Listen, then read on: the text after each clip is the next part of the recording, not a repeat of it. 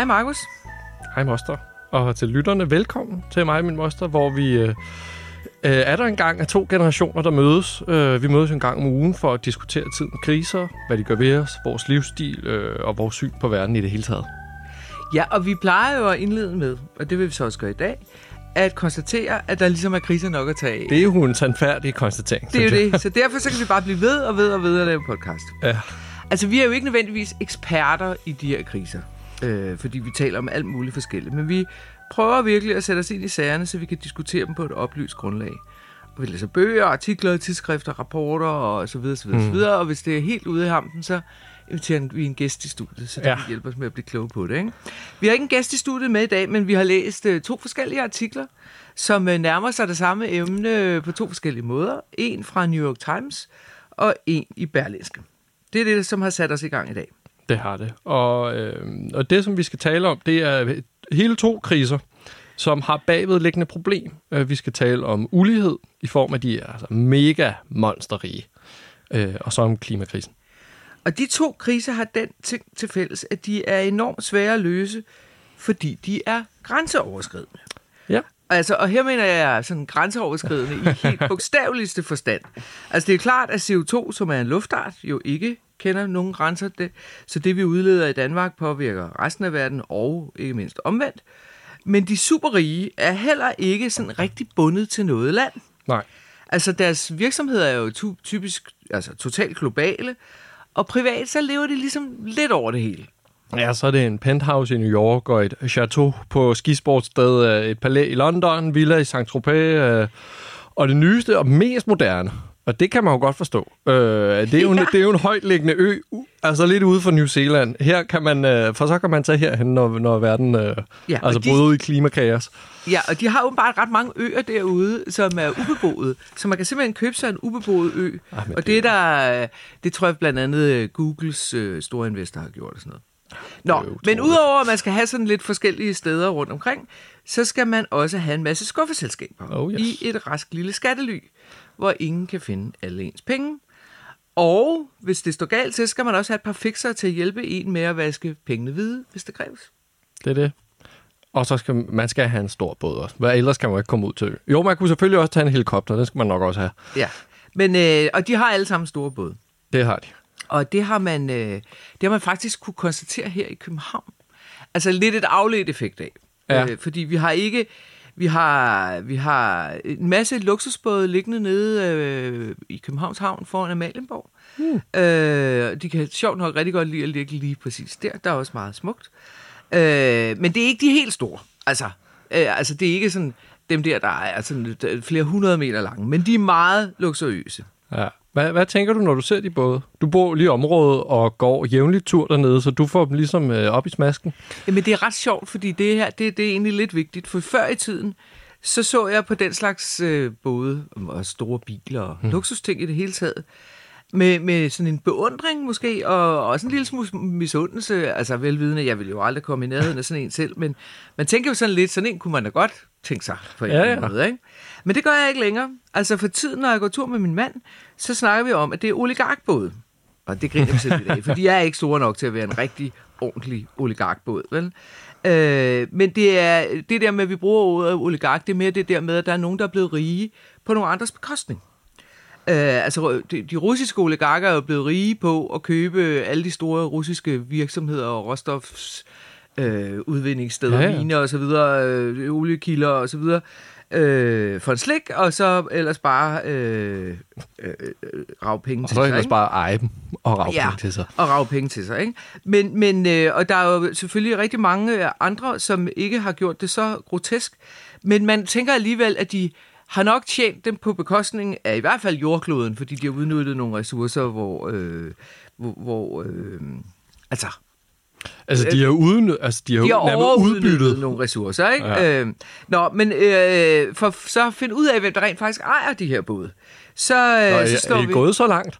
Ja, ja, Nå, fordi... hvor fedt. Nå, men det er jo, du går der, og så ligger der bare sådan en kæmpe luksusliner, som åbenlyst er privat, ikke? Og der sidder måske en mand øh, og læser avis øh, oppe i agtersavnen og sådan Ja, noget, ikke? Så tænker man, hvem fanden er det? Og så kan man jo gå på Google eller andre steder, så kan man finde ud af, hvem der ejer dem. Og i sidste uge, eller for et par uger siden, så var det arvingen til Walmart. Og det var Okay, også ja. en stor båd, ikke? Men det var, det var ikke oligarkstor, men den var stor. Og det er jo det største, verdens største supermarked, eller hypermarkedskæde. Ja. Og dem er der skrevet rigtig mange bøger af, øh, om, som jeg i hvert fald har læst nogle af. Altså, og dem ved man godt, hvordan behandler deres, både deres ansatte og deres leverandører. Ja. Og skal vi bare sige, at overskriften er underbetaling. Ja.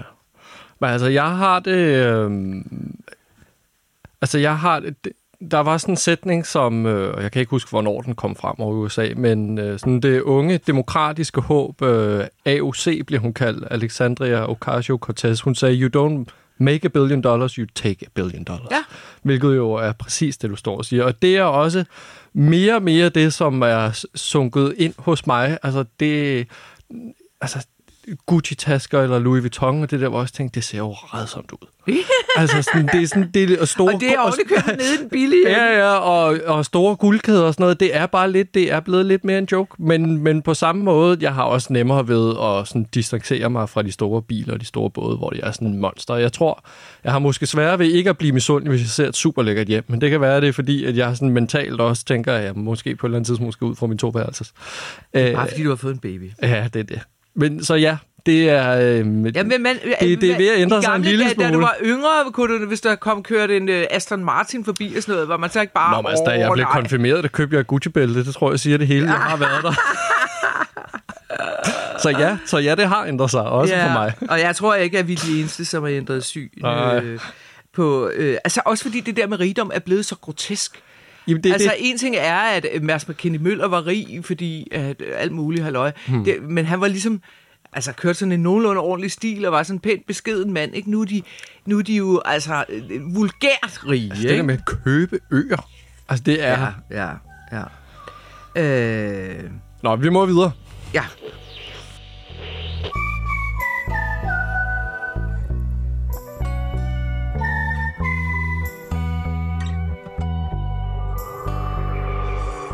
Øh, det skal vi, og, øh, og i dag der skal det handle om bestseller. Ja. Øh, og, og ikke bare om bestseller, men om bestseller som repræsentation for øh, noget. Ikke? Mm. Øh, bestsellers ejer hedder i dag Anders Holk Poulsen. Det var hans far, som hedder Tros, som grundlagde modekoncernen. Og de har sådan i forskellige, øh, på forskellige tider sager øh, optrådt på alle mulige lister over øh, nogle af verdens rigeste mennesker. Ikke Ja. ja. i den øverste top, men sådan, så de kom med på listen. De er ikke så rige som Elon Musk, men de er rigtig rige. De kan ikke bare lige købe Twitter. Øh, og, det de, tror jeg ikke, de kan i og, de, og de er blevet så rige på øh, fast fashion. Øh, altså billig modetøj, som sælges overalt i verden igennem øh, deres egne, men også andres butikker. Og det er mærker som Only, Jack and Jones, Vero Moda, Pieces øh, osv. osv. Altså mærker, som lever af at være hurtigt ude med det nye. Og det er netop altså de undersøgelser, som viser, at det der er undersøgelser, som viser, at det er den her slags tøj, som folk køber og bruger øh, cirka syv gange. Og så ryger, så ryger det bare bast i skabet, og så på et eller andet tidspunkt, så ryger det ud, for så, skal man, så er der ikke plads til at købe nye ting. Øh, og det har vi faktisk talt en del om øh, i den her podcast, som et af de værste eksempler på overforbrug. Altså det er også grotesk på en anden måde, Ja, men stadig ja, ja, men, grotesk. men det er sådan noget, åh, nu er det, skal det være mintgrønt, eller så skal det være lilla, eller så skal det være mørkebrunt, eller et eller andet, så må man straks have noget med det, ikke? Og det er jo ikke alene bare en åndssvag måde at bruge sine penge på, men det er også ret skadeligt for vores planet. For tøjproduktion er en kæmpe klimasynder. Ja, Og nu har Berlinske dykket ned i sagen og gæt en gang, bestsellerkoncernen udleder næsten lige så meget CO2 som cementfabrikken Aalborg Portland, som vi taler om morgen, middag og aften, ikke? ja. Øh, men vi taler ikke om bestsellerkoncernen. For de er nemlig ikke berettiget til den CO2-rabat, som Aalborg Portland har fået i deres den nye skat, der er blevet indført, den der grønne CO2-afgift. Øh, der har de største udledere, nationale udledere, fået noget rabat, sådan så de ikke skal flytte deres produktion til udlandet. Øh, men det har øh, bestseller jo sjovt nok gjort for mange år siden, så de er ikke berettiget til den beba- de, rabat. Øh, og derfor så øh, øh, hører Og, vi ligesom og derfor så hører vi heller ikke noget om dem. Men, men hvor meget CO2 er det så, de udleder? Øh, jamen, de udleder altså noget i omegnen. I 2018, der har de selv opgjort det til cirka 2 millioner tons. Øh, og hvad er så det? Øh, Det er mange tons. Man kan sige, det, som vi forhandler om, det er, at vi skal have reduceret. Vi skal have fundet 20 millioner tons til ja, så det er 2030, der skal af- reduceres. Det er 10 procent af, Ja. af det hele. Men, øh, og det, de to millioner, det er en lille smule mindre. Jeg tror, at Aalborg Portland ligger på 2,2 eller sådan noget. Ja. Ikke? Og det ved de naturligvis godt er noget skidt. Øh, men, øh, og, og de har jo i princippet ikke noget incitament til at gøre noget ved det, fordi de bliver ikke ramt af den her skat, for den danske stat kan kun beskatte firmaer, der ligger i Danmark. Det er det grænseoverskridende. Det er nemlig det. Og alle, alle det er ikke engang dem, nødvendigvis dem selv, der producerer deres tøj. Det, øh, de er det har sandsynligt outsourcet ikke. det øh, til alle mulige underleverandører, som så behandler deres ansatte og miljøet og klimaet, som de finder ja. det for godt. Og det er det, som vi, det kan jeg huske der fra palmeolieproducenten, eller palmeolieproblematikken, som vi talte om, at det er en bevidst strategi, for så hvis der går noget galt, så kan de sige, "Jo, det er ikke os, det er vi meget ked af at høre, de kommer på vores sorte liste videre. Ja. Men nu er det sådan, at øh, nu har de jo øh, givet interview til Berlingske Tidene, øh, og der skynder de sig at understrege, at selvom de i princippet ikke har noget økonomisk incitament til at gøre noget ved det, øh, så vil arbejder de hårdt på at, øh, at øh, få, få bragt øh, hvad hedder det, deres underleverandørers hele forsyningskæde. Nu alle ved jo, hvad en forsyningskæde er Ja, ja, ja, efter coronakrisen. Og man kan se for sig, at der er rigtig mange, nogen der skaffer tøj, øh, stofferne, væver det og gør videre, nogen der syr det, og nogen der transporterer det osv. Alle dem der, de, de arbejder hårdt med dem på at få bragt deres øh, udledninger ned. Okay. Tror du på det? Ja, det gør jeg da. Selvfølgelig gør jeg da det. I det øjeblik, jeg ser, at deres udledninger er gået ned. Og ikke et sekund før. Ej, jeg vil sige, det er også sådan, jeg har det med det. Nå, men det sjove ved det hele, det er den her meget omtalte skatterabat til Aalborg Portland, som jo også er blevet berømt, fordi øh, Mette Frederiksen ligesom... øh, Hun sagde, at hun ville øh, ikke? lænke sig fast til dem, eller hvad det end var. Ja, den er jo sådan set indført, altså den skatterabat er jo, som jeg var inde på før, indført for, at Aalborg Portland ikke bare skal flytte deres produktion til Polen eller et eller andet andet spændende sted hen. Øh, men bestseller har jo altså flyttet deres produktion. Øh, og faktisk er det sådan, at halvdelen af Danmarks udledninger ligger uden for vores lands grænser. Altså rigtig mange virksomheder har jo for mange, mange år siden flyttet deres produktion til udlandet. Altså Grundfos, som jo har en kæmpe høj miljøprofil, hmm. altså de får jo lavet pumper i hele verden. Altså, øh, og alle disse udledninger, dem kan vi ikke gøre noget ved herhjemme, fordi vi ikke kan beskatte over grænser. Og det, det skriver Berlingske også noget mere om.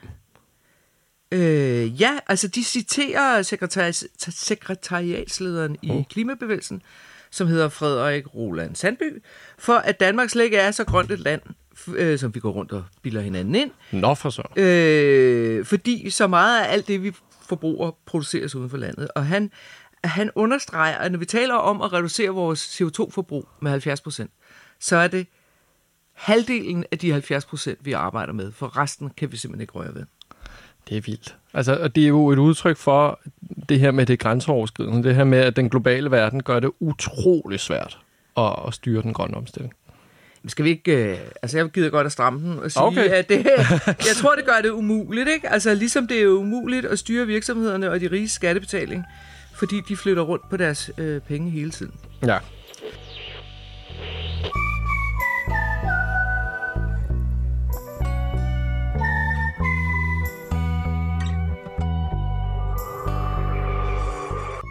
Altså, det med pengeflytningen og opkøb i udlandet og sådan noget, det er jo, øh, det er jo fokus for New York Times-artiklen.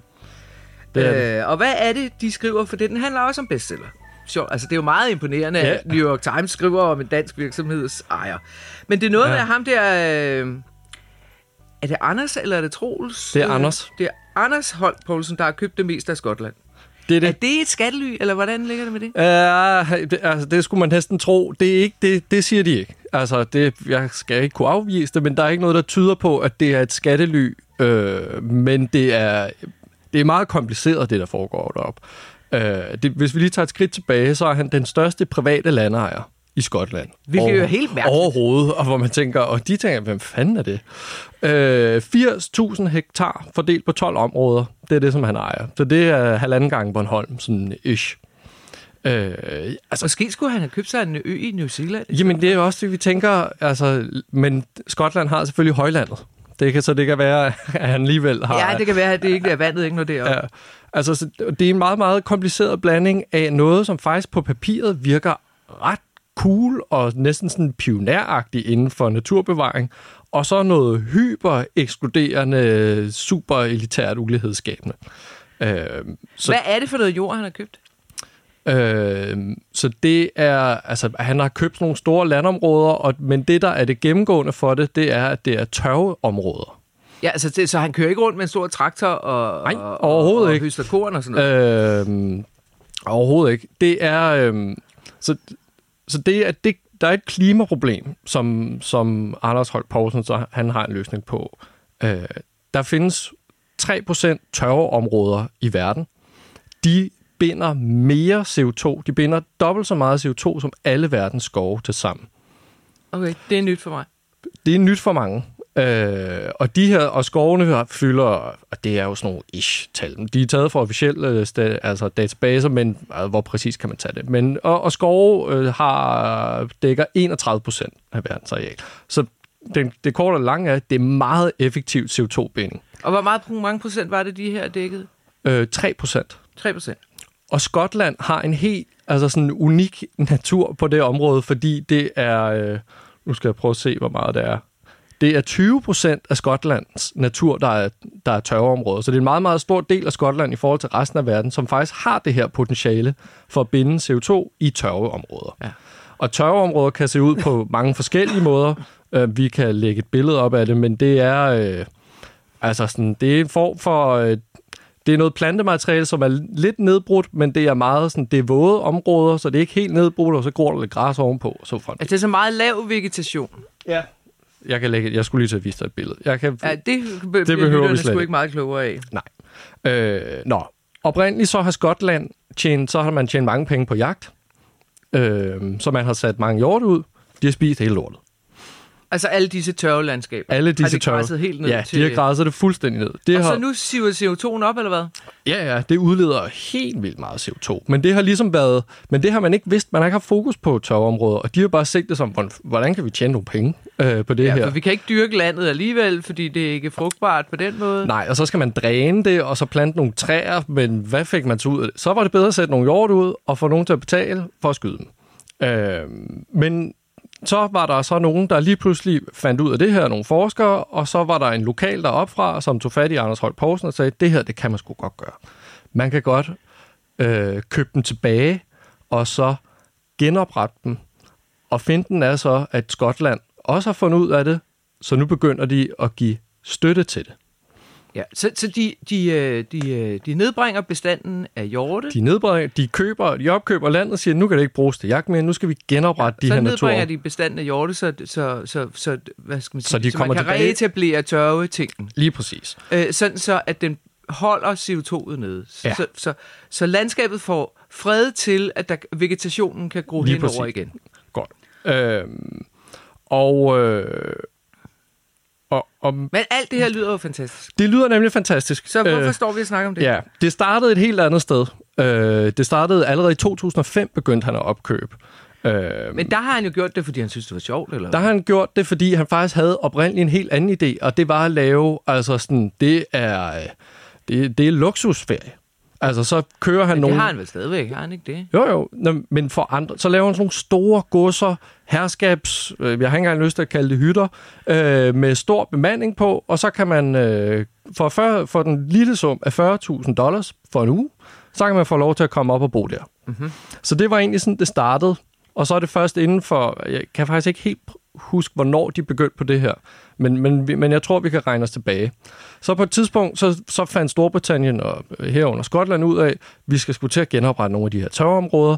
Det er vi nødt til at skabe incitament for, og derfor så skabte de The øh, Peatland Credit Unit, altså klimakreditter.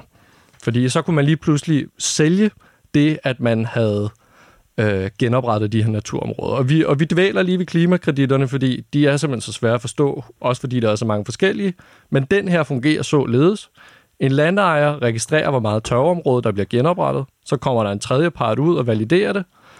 Og fem år senere kommer der så en tredje part ud igen og vurderer, er det blevet genoprettet?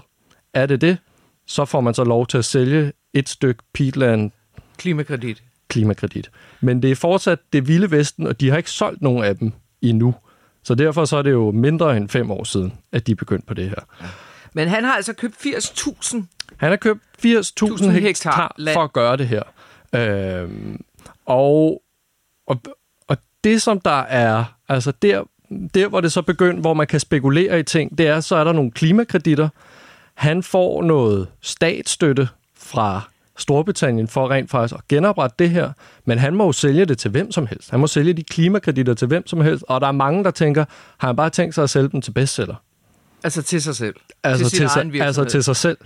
Og så på den og så måde... kan, øh, øh, øh, så kan de skrive en artikel i Berlingske Tidene om ikke så lang tid, hvor at man kan hævde, at nu er, øh, udleder de ikke 2 millioner ton, Nej, øh, nu udleder de noget mindre, fordi de har købt de der klimakreditter. præcis. Men, og det er jo det, vi ikke vil have. Fordi Nej. vi vil have, at folk lægger deres forretningsdrift om, så den bliver bæredygtig, og ikke, hvad skal man sige, planter træer i en eller anden ørken, hvor træerne aldrig nogensinde kommer til at gro, og ingen ved, hvad der foregår, og så Lige videre, videre, så præcis. videre. Altså, der er jo skrevet, og hele politikens øh, serie, der hedder Klimabedraget, kan man godt øh, læse eller genlæse, fordi de går meget fint i dybden med netop, hvad er problemerne ved det her. Der er blandt andet noget forsinkelse i det. Altså det her med, at man hvis man øh, udleder noget nu, og man så prøver at klimakompensere, jamen, så kan det gå alt fra 5 til 10 til 20 år, før det er kompenseret. Og det så, kan enhver jo sige sig selv, fordi hvis man ser en lille Så pind, kommer vi der bagud. blevet, en lille pind, der er blevet plantet nede i jorden, der er ikke meget CO2 i den, men det er Ja. klart, at 20 år senere, hvor der står et stort, flot træ, så er der noget CO2. Men mm. problemet er, at virksomheden har i alle de år jo udledt alt det CO2, som den Så- plejer at udlede. Så eksempelvis her vil han hele tiden være fem år bagud, hvis vi siger, det tager, vi ved Ja. ikke, hvor meget der er Ja. genoprettet på fem Ja. år. Ja. Øh, så vi vil hele tiden være bagud. Øhm, så, så det er jo, så har han jo lige pludselig ikke nogen held mere. Øhm, og så er der den sidste del af det, og det er, øh, det, sådan, det er meget ulighedsskabende. Det er det her med, at han simpelthen overbyder lokalbefolkningen. Og Ja, sådan, vi skal lige have pengene ind igen i systemet, ikke? Fordi, det, øh, fordi de snakker både om rigdom og ja. om klima, ikke? Jo. Øh, og det, som de siger, det er, øh, så er der nogen, der byder på, så er der en eller anden, nogen, der har, øh, har en familie, der har drevet en bank i flere generationer, og så nu vil de godt, nu er der ikke nogen bank mere, nu vil de godt købe det stykke land tilbage, og så siger han bare, nej, jeg, over, jeg overbyder dem bare. Altså sådan, og så slår han ring om det. Så det Ja. der med, at han fremmedgør i virkeligheden lokalbefolkningen over for, for det land, som de har været, normalt har været en del af, fordi nu skal det altså, nu er det bare... Ja. Men det er jo Anders de Holm- riges øh, måde at gøre tingene på, ikke? De trumler hen over det hele. Det er det. Så der er jo nogen netop, hvor vi startede, hvor man tænker, det, altså, det er cool. Det er virkelig cool, men der er så også nogle bagsider af det. Ja. Øhm, fordi, og så kan man sige, at man kan jo komme derind, ja, hvis du har 40.000 dollars, og du godt vil bruge dem på en uge, på at sidde i sådan en herskabsting, ja, så kan du måske få lov til at komme ind, men det er jo fortaget. Ja, så, der, så, så, så øh, vi kan konkludere her, at bestseller har igennem mange, mange år, de startede engang i 50'erne, og så har de vokset helt utroligt vildt. Mm. De har igennem mange, mange år skadet planeten, jorden, ved at producere fast fashion, som bare er hurtigt og billigt tøj, som ikke engang bliver brugt særlig mange gange, og som ender med at blive smidt ud. For slet ikke at tale om alle den kæmpe del af produktionen, som aldrig nogensinde bliver solgt, Ja. men bare bliver gravet ned et eller andet sted, fordi det er gået for stærkt, eller, gået, mm. eller ikke gået stærkt nok, så nu var det mintgrønne ikke moderne alligevel, så brænder man bare lortet af. Ikke? Så, og- og det er han var blevet så sindssygt rig på, at han kan købe øh, det halve af Skotland op, Altså virkelig mærkelige øh, Det er- ting, ikke? Øh, men det er så hans ting. Øh, han har sikkert ikke en kæmpe stor øh, oligarkbåd et eller andet Nej. sted, men så har han så halvdelen af Skotland. Ja, sådan er det. Sådan er det.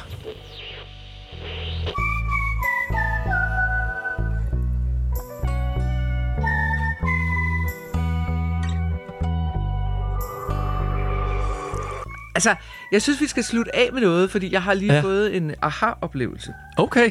Øh, altså, jeg har... Nu, nu mistænker jeg faktisk ikke, hvad hedder det, øh, Paul Poulsen fra bestseller for at hvidvaske penge. Det, det kunne jeg ikke Nej. drømme om. Jeg tænker, han er et, på den måde bare en helt almindelig kapitalistisk øh, orienteret Fuld- menneske, som maksimerer sin rigdom. Ja. Så det, det har jeg ingen... Øh, overhovedet, jeg har ikke engang mistanke om. Det kan godt være, han gør det, det ved jeg ikke noget om, men jeg har ingen mistanke om. Nej.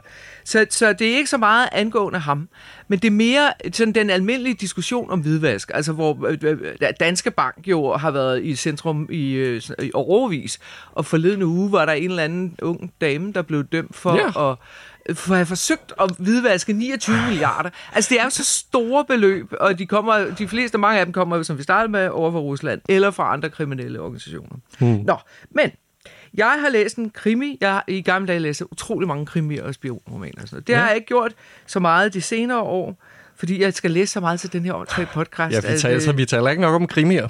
Nej, vi, vi, det kan vi skal lave en krimi, krimi-podcast. Ja. Nå, men der er en forfatter, som jeg altid læser, hver gang han udkommer med en ny bog, og det gør han næsten som et urværk en gang om året, cirka. Øh, og han hedder Daniel Silva, Ja. og han øh, er øh, amerikansk journalist, øh, og, og det er ikke stor litteratur, lad mig bare sige det sådan. Det er kampspændende, og så er det altid totalt gennemresearchet. Altså han ved virkelig noget om det, han skriver om. Og han skriver mm. altid, altså han har igennem årene, flere år før de islamistiske terrorangreb kom i Europa, mm. så skrev han om det. Nå. Øh, altså han, er, al- han har jo næsten forudsagt alt, hvad der kommer til at ske. Og denne her seneste bog, som jeg lige har læst, den udkom i 2021 i USA, Ja. og den er kommet i 2022 i Danmark. Men den er altså skrevet inden krigen i Ukraine. Ikke? Og den handler sjovt nok om oligarker og deres måde at hvidvaske penge på. Altså det, det er... Nå, men han- så kan man lige så godt bare læse hans bøger, Ja, men og altså, så hvis du indrette sig efter det. ene- ja, men det kan du virkelig. Altså, det, det er ret sindssygt. Altså, du kan ikke... Det, det, jeg tror, han har udgivet 15 bøger eller sådan noget. De kommer sådan... Dung, du, du, dung, Der er nogen, det er ligesom hvad Simpsons lavede en øh, forudså, at Trump blev præsident for 20 år siden, eller hvad det Ja, er. ja, ja. Øh, ham her, han er lidt tættere på. Men han er også... Altså, han er virkelig, virkelig dygtig til at researche, ikke? Øh, nå, men nu, nu, øh, nu, øh, nu har han så øh, øh, gang i det her med de oligarker, og man får altså nærmest opskriften på, hvordan man hvidvasker penge. For jeg har altid haft ret svært ved at forstå det. Altså det er noget med, så skal de ind i en rigtig bank, fordi når de kommer ind i en rigtig bank, så er de ligesom hvidvasket. Men så nemt er det ikke, og jeg, jeg, jeg forstår det ikke. Men nu har jeg læst den der bog, og jeg kan, jeg kan ikke gengive det, og jeg, jeg tror også, læseren vil, eller lytteren vil blive ret træt Ja. i masken, hvis jeg gjorde det. Men jeg kan bare sige, det er en kæmpe industri. Altså, der er banker, det ved vi godt. Hmm. Der er advokater, der er revisorer, der er dem, de kalder fixer, altså, som på alle mulige måder, det, det, det, er et helt sådan verdensom, det er jo ikke et foretagende, men det er sådan et netværk af skrupelløse øh, folk, der ved noget om penge, som hjælper de her øh, mennesker med at flytte rundt på deres ting hele tiden, ikke? De, men altså, ingen, men ingen ved vel i virkeligheden, hvor mange penge, der befinder sig i den her parallelle verden. Nej, det er nemlig det. Altså, Altså, det jo- nogle gange så tænker jeg, tænk, hvis halvdelen af verdens penge ligger deroppe, fordi de er så stinkende rige alle sammen, ikke? Men altså, og det er der ingen, der ved, af gode grunde, Nej. øh, fordi det er jo er sorte penge, som er lavet på.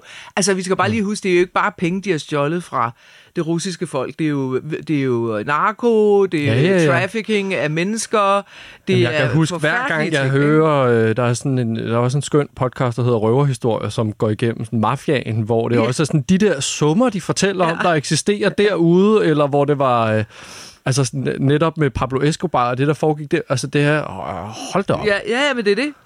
Øhm,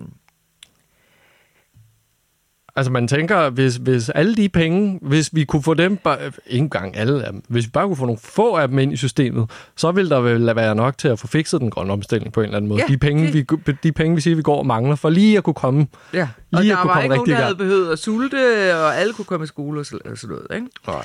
Nå, men så er jeg kommet til at tænke på noget, fordi nu har jeg gået, fordi jeg har læst den der bog, og alle de der både, der ligger nede i havnen her til sommer, og al den her snak, der er om det. Så har jeg gået og tænkt over, at det jo egentlig er ret interessant, at der franskmændene i 1789 gik i gang med den franske revolution, ikke? fordi der var de pænt trætte af den franske konge, Ludvig den 16., som jo levede fuldstændig i sus og dus inde på sit Versailles-slot, ikke?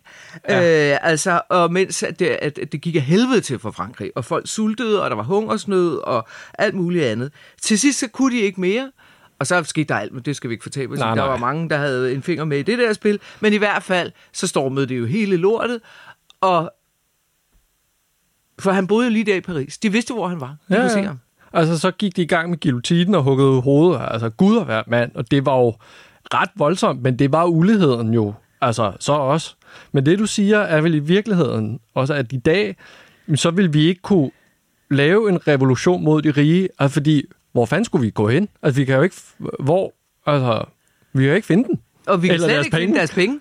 Øh, øh, altså ikke engang, med, hvor hele den vestlige verden har sat alt ind på at lave sanktioner mod navngivende oligarker fra Rusland, ikke? Så, Hmm. øh, og en gang imellem hører vi, nu har de beslaglagt et skib, eller nu har de beslag... Men man har ikke indtryk af, at det nødvendigvis går skide godt, fordi Rusland kører sådan set pænt videre, og øh, altså, det, alt det, vi troede, at nu ville det hele falde fra hinanden, det er det ja. Jo ikke gjort. Nej, altså der var en ret vild artikel øh, i, på DR.dk her forleden, fordi man tænker, Nå, og så må de flytte dem over på nogle små østater og alt sådan noget. Men øh, det var en, en artikel, som sagde, at Østrig er, altså, de kaldte det en legeplads for russiske oligarker, hvor at de kan, så lige der inden krigen, Nå, så var der den der lejlighed, om den var så ikke ejet af oligarken mere, det var så oligarkens mor. Og man tænker, kan I så ikke regne det ud, eller hvad? Nej, men så kan vi ikke gøre noget. Eller også var det oligarkens fætter. Altså sådan, så de har simpelthen stationeret øh, familierne og i super lækre ja, på skisportsteder Ja, og, og, og alt muligt andet. Altså, det er så syret, og, det, og så skriver den der, øh, så skriver journalisten, at når Rusland har også investeret meget i Østrig, og det er måske derfor, at de er lidt bange for at, at være alt for strenge ved dem. Jeg tror, de, de skriver, at de har beslaglagt 260 millioner kroner, så siger de. Det er jo en ting, det er jo frimærkekassen. Det, er- det er sgu ikke så meget. Altså, det er lige før, det svarer til, at oligarken har lige tabt en fem ud af lommen, Ja, ja, og så er det den, ja, der bliver ja. samlet op. Øh, og det er jo meget sådan tankevækkende, det der med, at de siger, Nå, måske er det fordi, at Rusland har investeret i Østrig. Hvis man kigger på Kina og deres Build and Road Initiative, hvor de jo har Ja, ja, bygget ja. kritisk infrastruktur Ja. i Afrika Altså over- og, og- Asien og alt og muligt. hele det der bælte, især hvis vi... Altså, der ligger og lurer en eller anden konflikt over i Taiwan. Øh, det og, gør der. og, og, og, hvad der sker. Så det er... Altså, det er syret. Ja. Nå, så vi har været i gang med, hvis vi skal til at runde af, vi har Ja. ja. været i gang med, at øh, altså øh, superrige, uligheden ja. i form af superrige, er lige så grænseoverskridende problem som øh, klimakrisen, og i realiteten står vi i en situation, hvor vi ikke kan løse nogen af delene, fordi vi ikke har nogen hvad skal man sige, grænseoverskridende myndighed.